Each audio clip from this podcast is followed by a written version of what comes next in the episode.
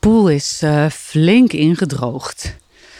Er, is nog wel, er staat nog water in, maar lang niet meer zoveel als toen die vol stond.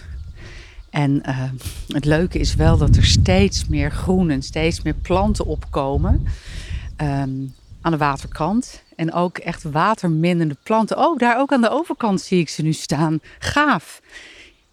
Ik zei het vorige keer volgens mij al iets over dat het gele lis lijkt, maar het is het niet. Ik weet het eigenlijk vrijwel zeker. Want het heeft een iets rondere, rondere voet van het blad. En ah, zo, ik loop er even heen. Um, maar het is ook geen riet. Het is wel een soort lisachtige, ik weet niet of het bestaat, maar wel een soort, hetzelfde soort uh, plant.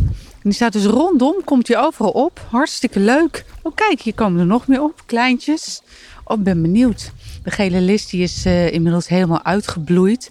Dan hangen die zaadzakken, die hangen, die zaadhulsen, die hangen zwaar naar beneden. En die, ja, die kunnen elk moment openklappen. En dan verspreidt deze plant zich hier natuurlijk fantastisch aan de waterkant. Dus dat is leuk. En nu draai ik me even om.